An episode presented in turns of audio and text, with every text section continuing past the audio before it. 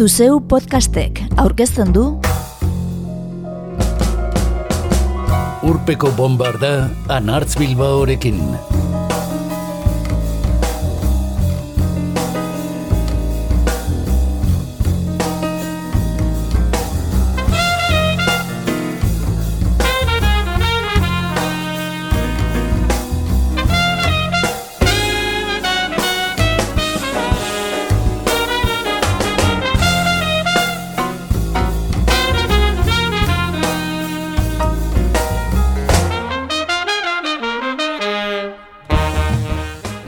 Berria zaharra eta mailegatua formatuari lotuko gatzaizkio gaur urpeko bombardan aspaldiko partez. Eta disko berriak aurkeztu aspaldikoak akordura ekarri eta moldaketaren bat eman da osatuko dugu saioa. Olatz Salvadorri elkarrizketa eta guzti. Berritasunen atalean, Amadou et Marian bikotearen azken singela, zein Raining Sound eta Audience Gernikaren lan berria izango ditugu izpide. Atzera begirakoan, Beck musikariaren Odelai lanaz akordatuko gara. Oraino hogeita bost urtekoa delako, baita maia zubiriaz ere. Adarra saria jasoko duela eta aspaldiko partez zuzenean jotzekoa baita. Moldaketari dagokionez, makina bat bertzio izan dituen Boris Bianen desertorea entzungo dugu. Frantzesez jatorrizkoa, eta euskaraz gero. Ibon RG musikariaren ahotzean. Honegin.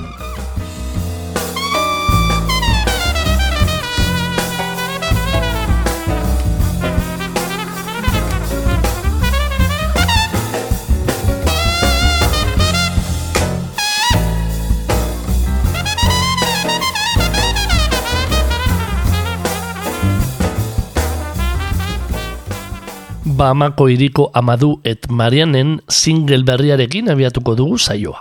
Edo bezan da, Sophie Tuckerrek Afrikar bikotearekin emandakoa.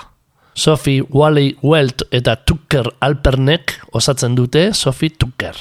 Tantzalekoetarako musika egiten duen bikotea.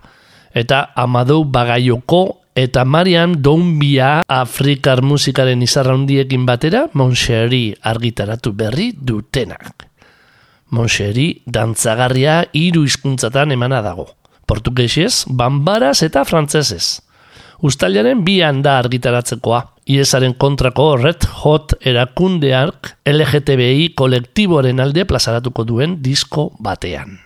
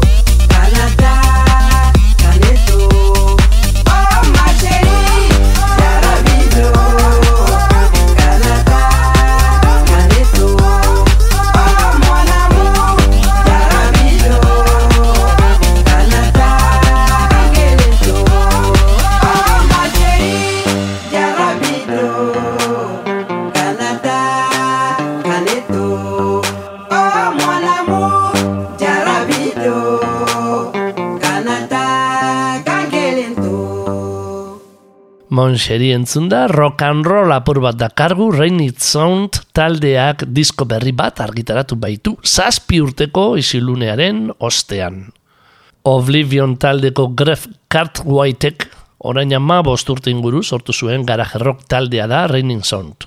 Dagoeneko zazpi lan plazaratu dituena. Eta honakoan, jatorrizko musikariak elkartu dituena Memphis irian A Little More Time with the Raining Sound grabatzeko. Bertatik dekargu Let's Do It Again.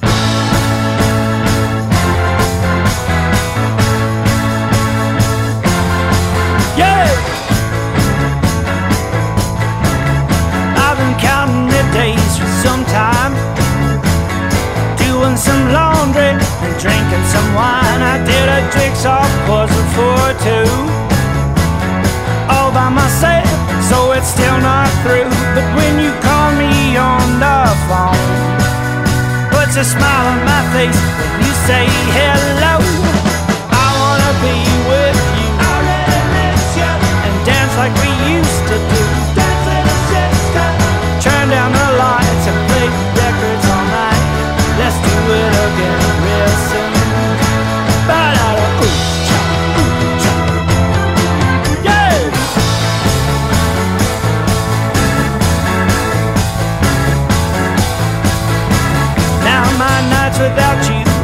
same. I've been walking the dog in the pouring rain in the garden I started last spring.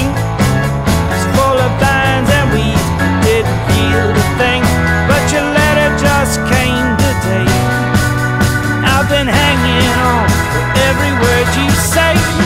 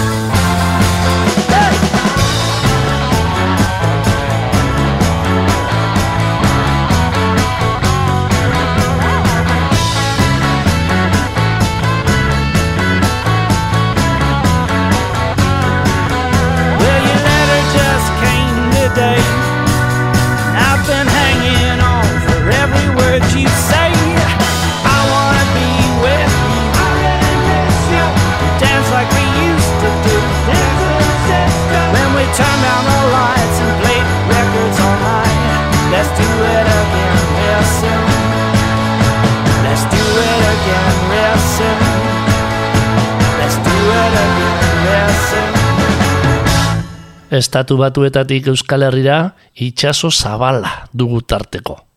Eta laburragoa Raining Sounden gandik audienzen ganako bidea, sonoritateari dagokionean bederen. Jada kasiko urteko ibilbidea duen Gernikar taldeak toles durak plazaratu berri du bide utz zigiluan. Kaker karazorekin grabatu eta taldeak berak ekoiztu duen lan bikoitza. Eta zuzenean aurkeztuko duena, andoaingo jaialdian. Onartu beharra dugu ez dugula oraindik audienzen lan berrian zuterik izan, baina aurkezgai izan duten lehen singela, Mendaro Fiddler, izugarri gustatu zaigu. Garnikarren lan gehienak legez. Mendaroko arrabita jolea, Joseba Olazabali, edo haren borrokari eskeinea dago. Azpilgoetan autopista ondoan bibolina joz egiten baitio aurre azortzi erraldoiari. Baserriaren eta repidearen artean panelak jar ditzaten aldarrikatuz. Mendaro Fitler.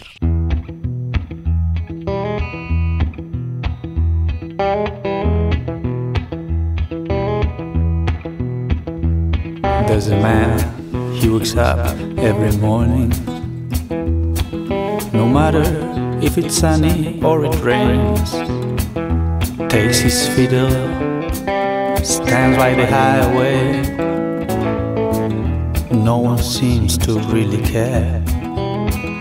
Keeps on playing, would never get tired. It's that someone sin again.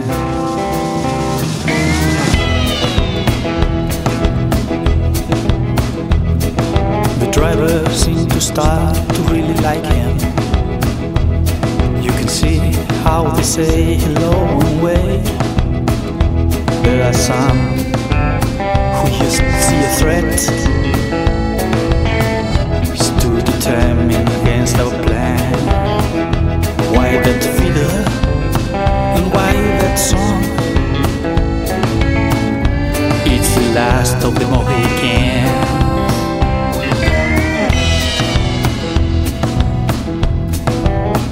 They wanted to know who's that stranger? May we join and be his friend?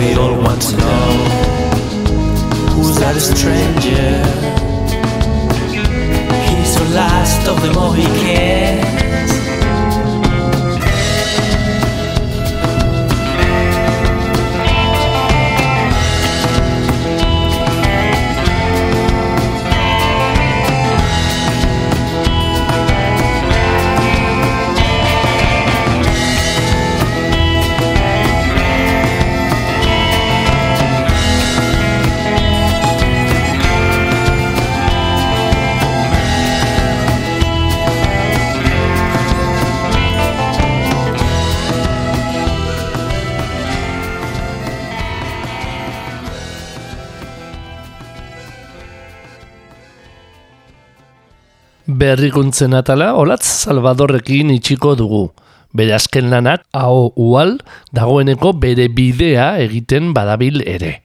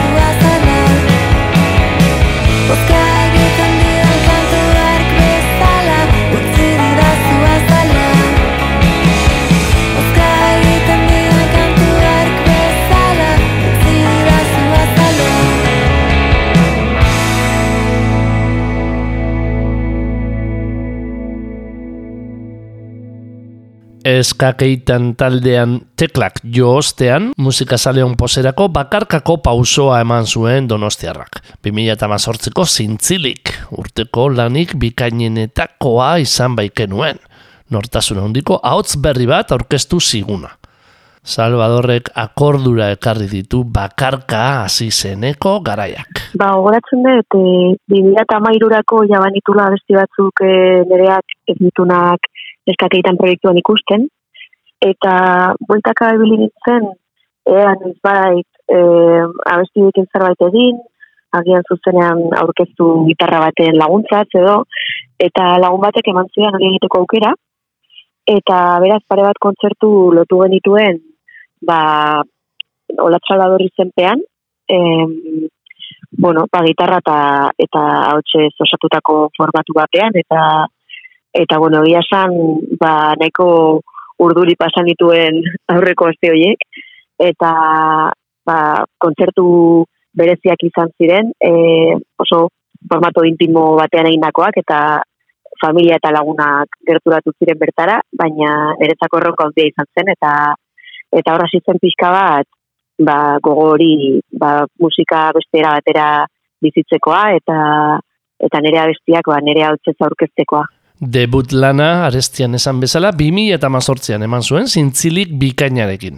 Zaleen arreta piztu eta musikariak berak zapore gozoarekin oroitzen duena. Ba, bai, zapore oso, oso ona. Azkenean, hasiera bat e, e, gauzatzea ez eta nire kasuan ba, sentituen babes handia zegoela nere inguruan eta eta bai komunikabideetan eta bai e, ba, jendearen gan e, ikustuela eragin bat edo bintzatori jaso nuen arrera aldetik eta niretzat ere ba, azkenean pixka bat e, inflexio puntu bat dela esan dezaket e, nire bidea asko markatu duelako eta eta bueno, ba, bizitzan egin nahi dudana e, begien aurrean jarri alako eta oso eskertuta nago. Zintzilik Julen Idigoraz eta Borja Antonekin ekoiztu zuen Olatz Salvadorrek. Lagun arteko ikuspuntu eta babesarekin. Eta hau ual ekoizteko berri zitzala handiko musikari baten gana jodu, Pablo Noboaren gana. Eta talde kideak ere aldatu dira gainera. Orain Ander Zulaika baterian, matxintzaldiaz gitarran eta Jagoba Salvador basuan baititu lagun. Beraz, badira bilanen arteko aldeak. Eta antzekoa, zer dute? Haman komunen daukatena da autorea, hau da nire kanta birela eta nire barne mm, mundu horietatik ateratako gauza direla eta eta pentsatzen dut horrek ere ba emango diola identitate edo bueno nortasun e, marka bat edo. E, ala ere badakit kanta bezala ba ezakite oso era desberdinetan planteatuta daudela eta hizkuntza bera ere aldatzen doala eta egia horrek sortu zidan eri beldur edo bertigo moduko bat e, bigarren lana argitaratzeran. Azkenean e, lehengo diskoak ainarrera hona izan zuen, ba, nik sentitzen duela agian bigarren lanarekin jende bat galdu nezakela edo edo jende batek nahiago izango zuela nire lehenko lan hori eta sentitu nuen ba, langa altu xamar jarri nuela, eta zekiela ea jendeak espero nuen horretara iritzen ninteken, naiz eta ni nere buruarekin e, lasai egon, ze azkenean e, nik ne, neukan horren eman nuen momentu hortan, baina inoz ez dakizunea zer hartatuko den kanpora begira, ba, ba sorpresa politara manuen jendeak e, bere ala bere nintzuenean lanari. Debut lanarekin oi hartzuna lortzen denean, komplikatu xamarra suertatzen zaio artistari bigarren diskoa alaxe gertatu izan ohi da musikaren historian. Baita Salvadorren kasuan ere, bere autoexigentzia kontutan hartuta. Eta disko ni dagokionez prozesua ere komplikatu izan da, baina ez bakarrik pandemiagatik azkenean disko bat e, oso prozesu luzea da, ni bi urtetik gure egon nahi diskonekin pultaka, e, gora bera hundiekin, eta eta oso zaila da konstantzia bat mantentzea, lan erritmo bat mantentzea, eta eta gainera ez jakintasun honen barruan e, oso zaila da zerbait zerbaiten hainbesteko energia eta eta bueno, azkenean diru inbertsio ere handiak e, egiteko autu hartzea, ba jakintasun hori dagonean, ez ezakizunean ea zuzenean aurkezteko gai izango tezeran egoeraren ondorioz. Orduan, bueno, nik eh, arrisko hartu nuen agian behar batengatik eta eta agia da e, prozesuan zehar e, bueno, azkenean ez dudala momentu guztietan gozatu eta eta bueno, ba, ba goza asko oso gogorrak eta oso maldan gora izan dira niretzako.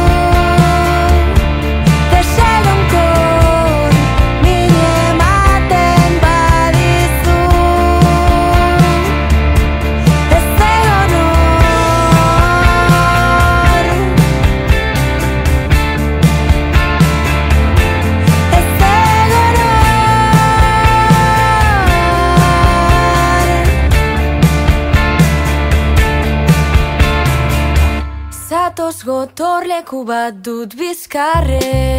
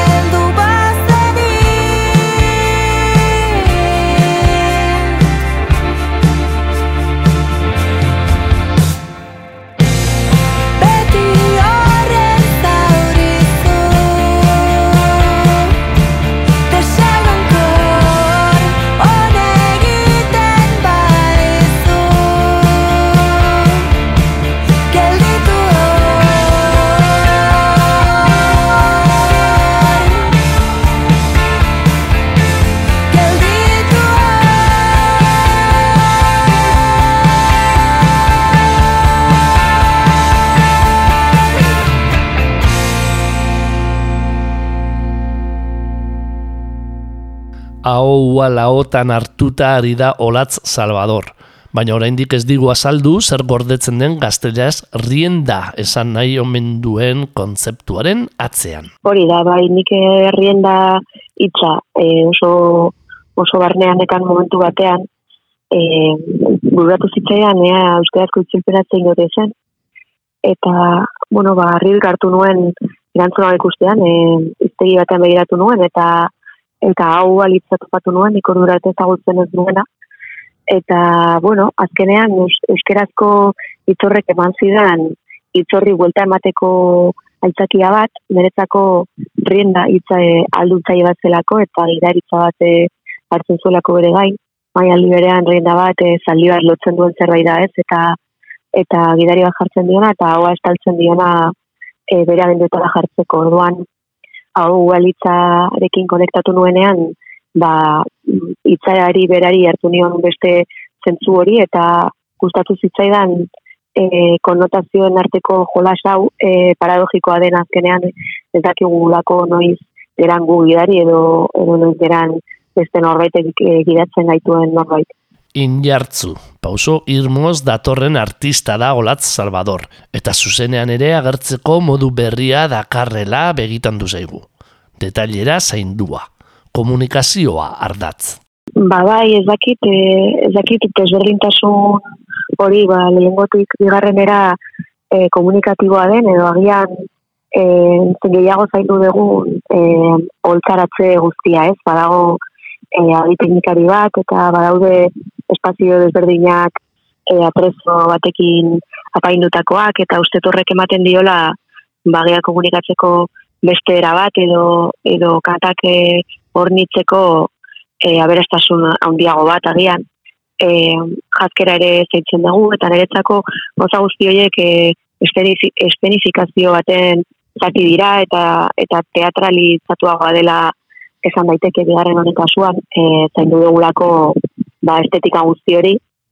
Ez dakit gero kantatzerako momentuan ere egarri daiteke, nagian e, pentsatu nahi dut evoluzionatu dutela e, urte batzuetatik honea, e, ba, beste, beste kanto klasekin eta banabielako buru belarri. Eta ez dakit, gitarrari dagokionez adibidez, ez da kontzienteki egindako zer, e, gitarra bat eskatzen zuten e, abestietan, ba, ba, gitarra gotzea erabaki nuen, besterik gabe, orain egia akustikoa eta elektrikoa uzpartzen ditu dela, eta eta bueno, ba, gogoa ere elektrikoarekin pizkanaka e, gehiago garatzen juteko.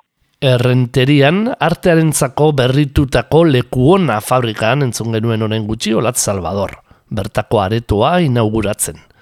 Eta abustua bitarte, adostuak ditu mungian leioan EHZ festivalean, zornotzan, arrasaten, lasarten, mutrikun, tolosan lekeition eta beran jotzeko itzorduak. Garaizail hauetan, izan du bai, haual publikoari aurkezteko aukera.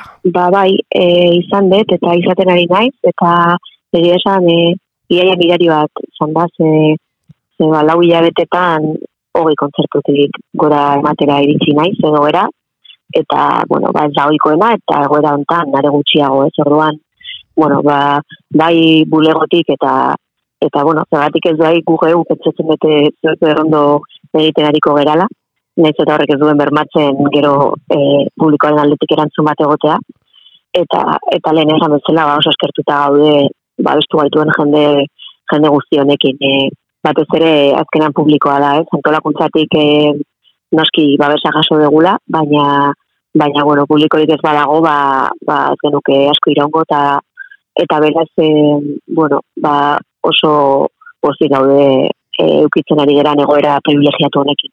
Olat Salvadorrekin solaza luzatu ala, gero eta argiago ikusten dugu donostiarrak musikagintza ogibide izateko egiten ari den alegin zintzoa.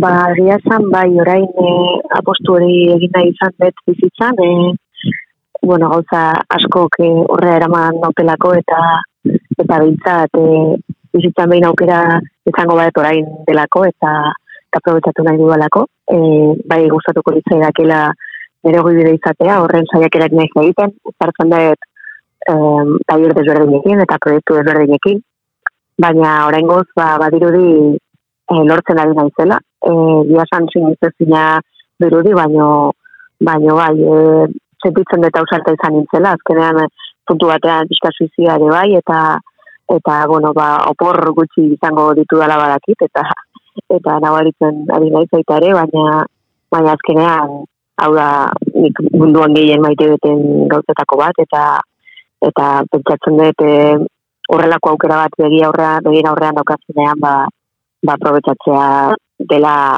niretzat behintzat zentzizkoena, eta horregatik eutxi nion apostu honi.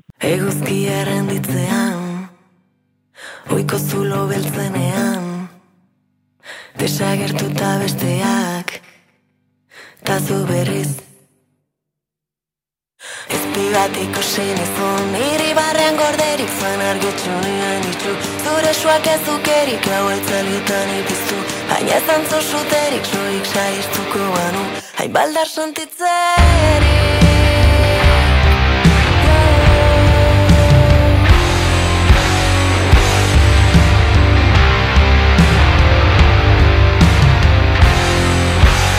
Erori zaizu tragoa Da ikusi dugu isladan bere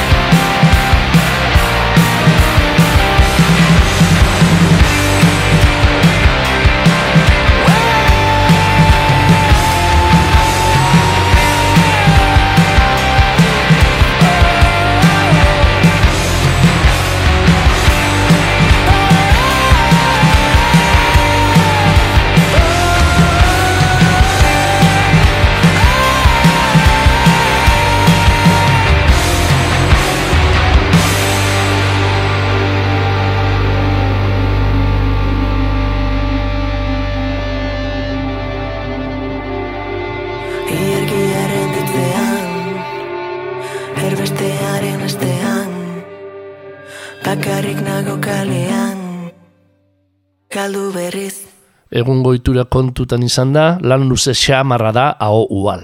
Dozena bat kantu eta berrogei minututik gorakoa. Salvador berak aitortu digunez, oraindik ere diskoetan eta patxara zentzuteko lan luzeetan sinesten duelako. Aritzarregidekin usurbilen grabatua eta 2008 bat honetan airaka etxeak plazaratua, Olat Salvadorrek laguntzaile ugari izan ditu hau ual lanean. Aipatu ditugun musikariez gain. Hitzetan Alaia Martin eta Anela Baka bertsolariak zein Gata Katana eta Elbira Sastre poetak. Batzuk inspirazio gisa. Eta musikan, Euskaraz kantatu duen Rosalen, Lamare, Garaziz Naola, Idoia Zurmendi eta Iban Ferreiro, berea duen promesas que no valen nada kantuaren moldaketan. Olat Salvadorren elkarrizketa abiatzeko, eraman nasazu entzun dugu. Eta galdu bukatzeko. Tartean, gelditu hor kantutzarra. Berrikuntzen atala itxita, gatozen orain atzera begirakoarekin.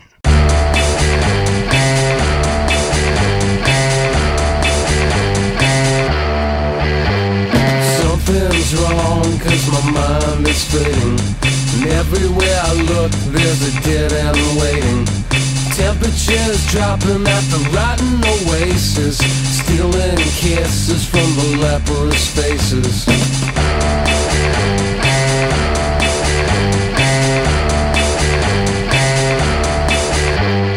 Heads are hanging from the garbage man trees Mouthwash, jukebox, gasoline.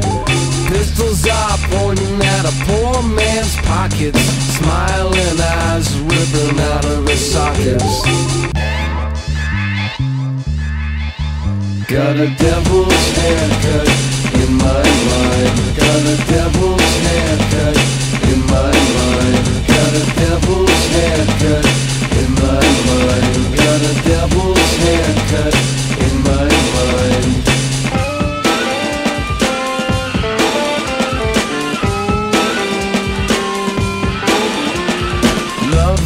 names on the sympathy crutches. Discount orgies on the dropout buses. Hitching a ride with the bleeding noses. Coming to town with the briefcase blues. Got a devil's haircut in my mind. Got a devil's haircut in my mind. Got a devil's haircut in my mind. Got a devil's haircut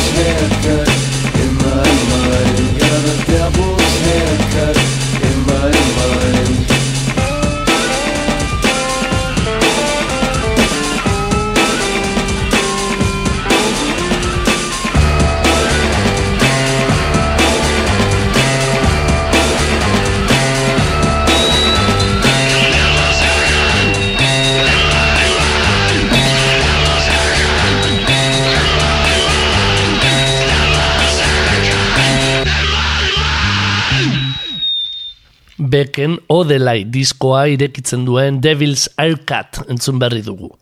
Musikaria oso gustuko dugulako eta batez ere ekainaren amazortzian hogeita bost urte bete direlako diskoa argitaratu zela.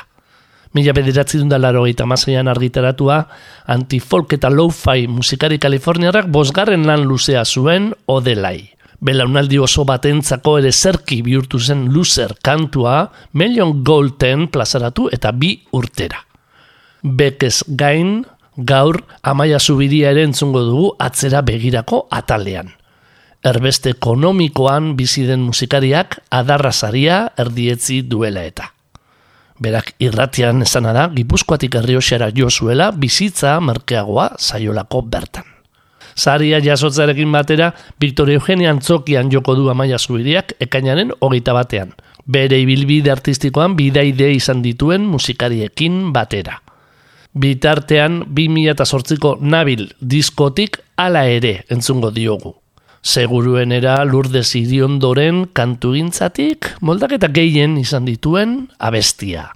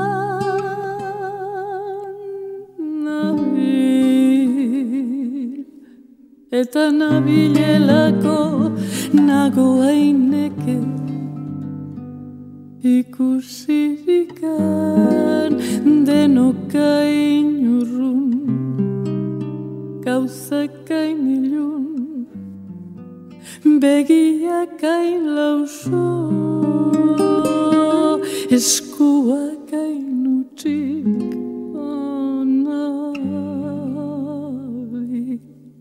eta nabilelako nago hain ziki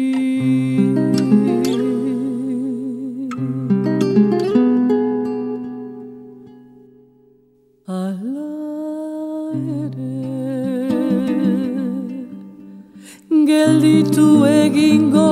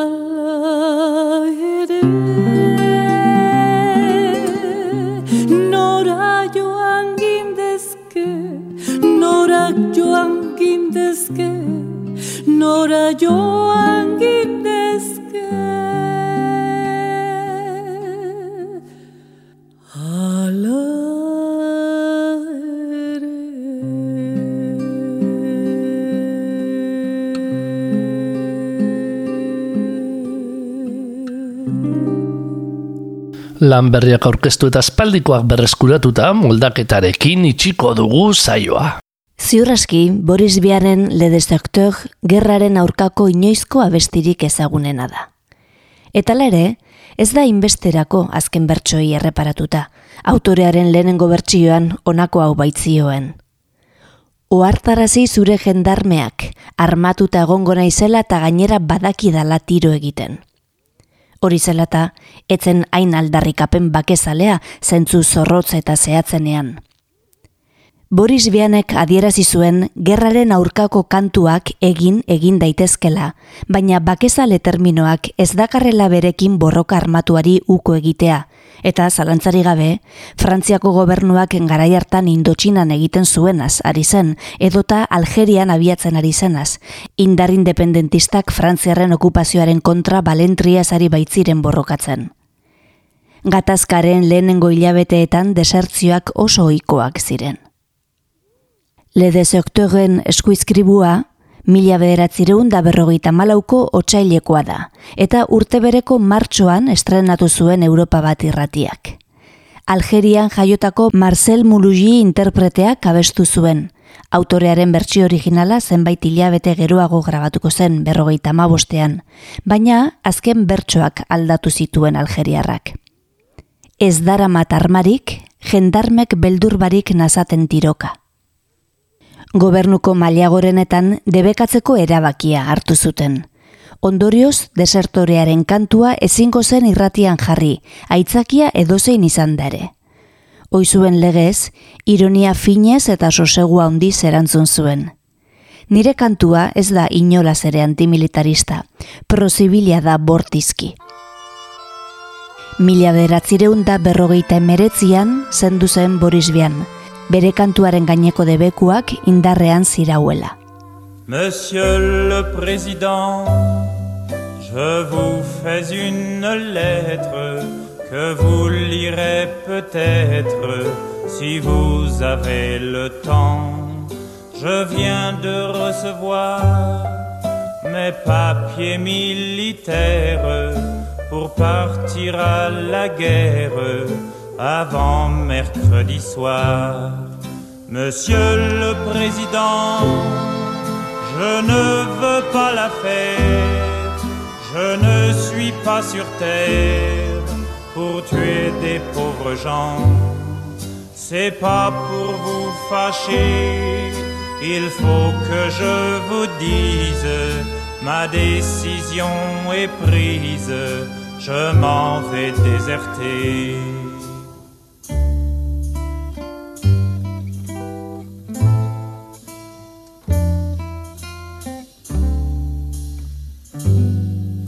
Depuis que je suis né, j'ai vu mourir mon père, j'ai vu partir mes frères et pleurer mes enfants. Ma mère a tant souffert qu'elle est dedans sa tombe et se moque des bombes et se moque des vers. Quand j'étais prisonnier, on m'a volé ma femme, on m'a volé mon âme et tout mon cher passé. Demain de bon matin, je fermerai ma porte au nez des années mortes, j'irai sur les chemins.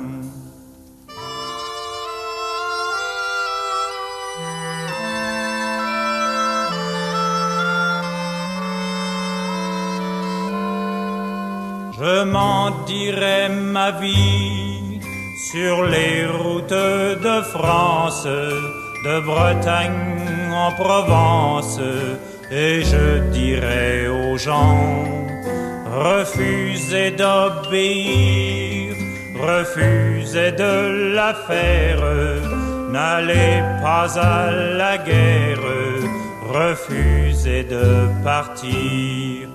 S'il faut donner son sang, allez donner le vôtre.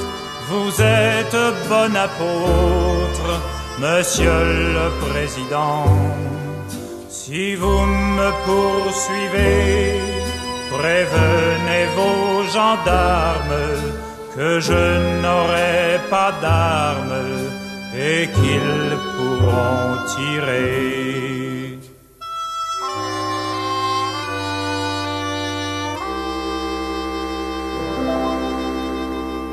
Irrati, telebista eta diskoetxeetako boikot eta zentsurak gora bera, Le Deserteur etzen ahaztu. Arestian aipatu dugun mulujik lehenbiziko aldiz abesteko ausardia izan zuen, eta ondorioz zigor profesional ikaragarria jasan zuen eta erbeste artistikora ies egin behar izan zuen mila bederatzireun da irurogeita zortzigarren urter arte. Orduan hasi baitziren kantuaren bertsioak agertzen nazioarteko beste artisten diskografietan. Esaterako Peter Paul and Mary eta Joan Baez estatu batuetan, Sergio Endrigo, Luigi Tenko eta Ornella Banoni Italian, Leonard Cohen, Kanadan, Richard Anthony, Sergi Reggiani, Eddie Michel, Leni Escudero, Hugo Fre, Michel Piccoli Frantzian, edo Esther eta Bio Farim Israelen. Gaur egun kalkula ezina da zenbat hizkuntzatara izan den itzulia lan berezi hau mundu hobea posible izan arte, zabalditzagun hau bezalako kantu eta testuak. Borroka baketsuaren unea da, gudu adeitsuarena. Datozen belaunaldiek ez dezaten ahantzi arribitsi xalo, distiratsu eta merkeak existitzen direla. Ohorezko desertore hau bezain bestekoa, desertatua plazeragatik erailtzen duen armada horretatik. Neoliberalismoarenetik. Eun eta hogeita bat disko iruzkin jasotzen dituen kafe aleak. Liburuan Carlos Tena kasetariak kantuari buruz idatzi zuen amoldatu ondoren, Euskara entzungo dugu. Itzen itzulpena egina zuen koldo izagirrek. Eta Ibon RG arduratu zen kantatzeaz. Fundación Robo egitasmo kolektiborako. Desertorea.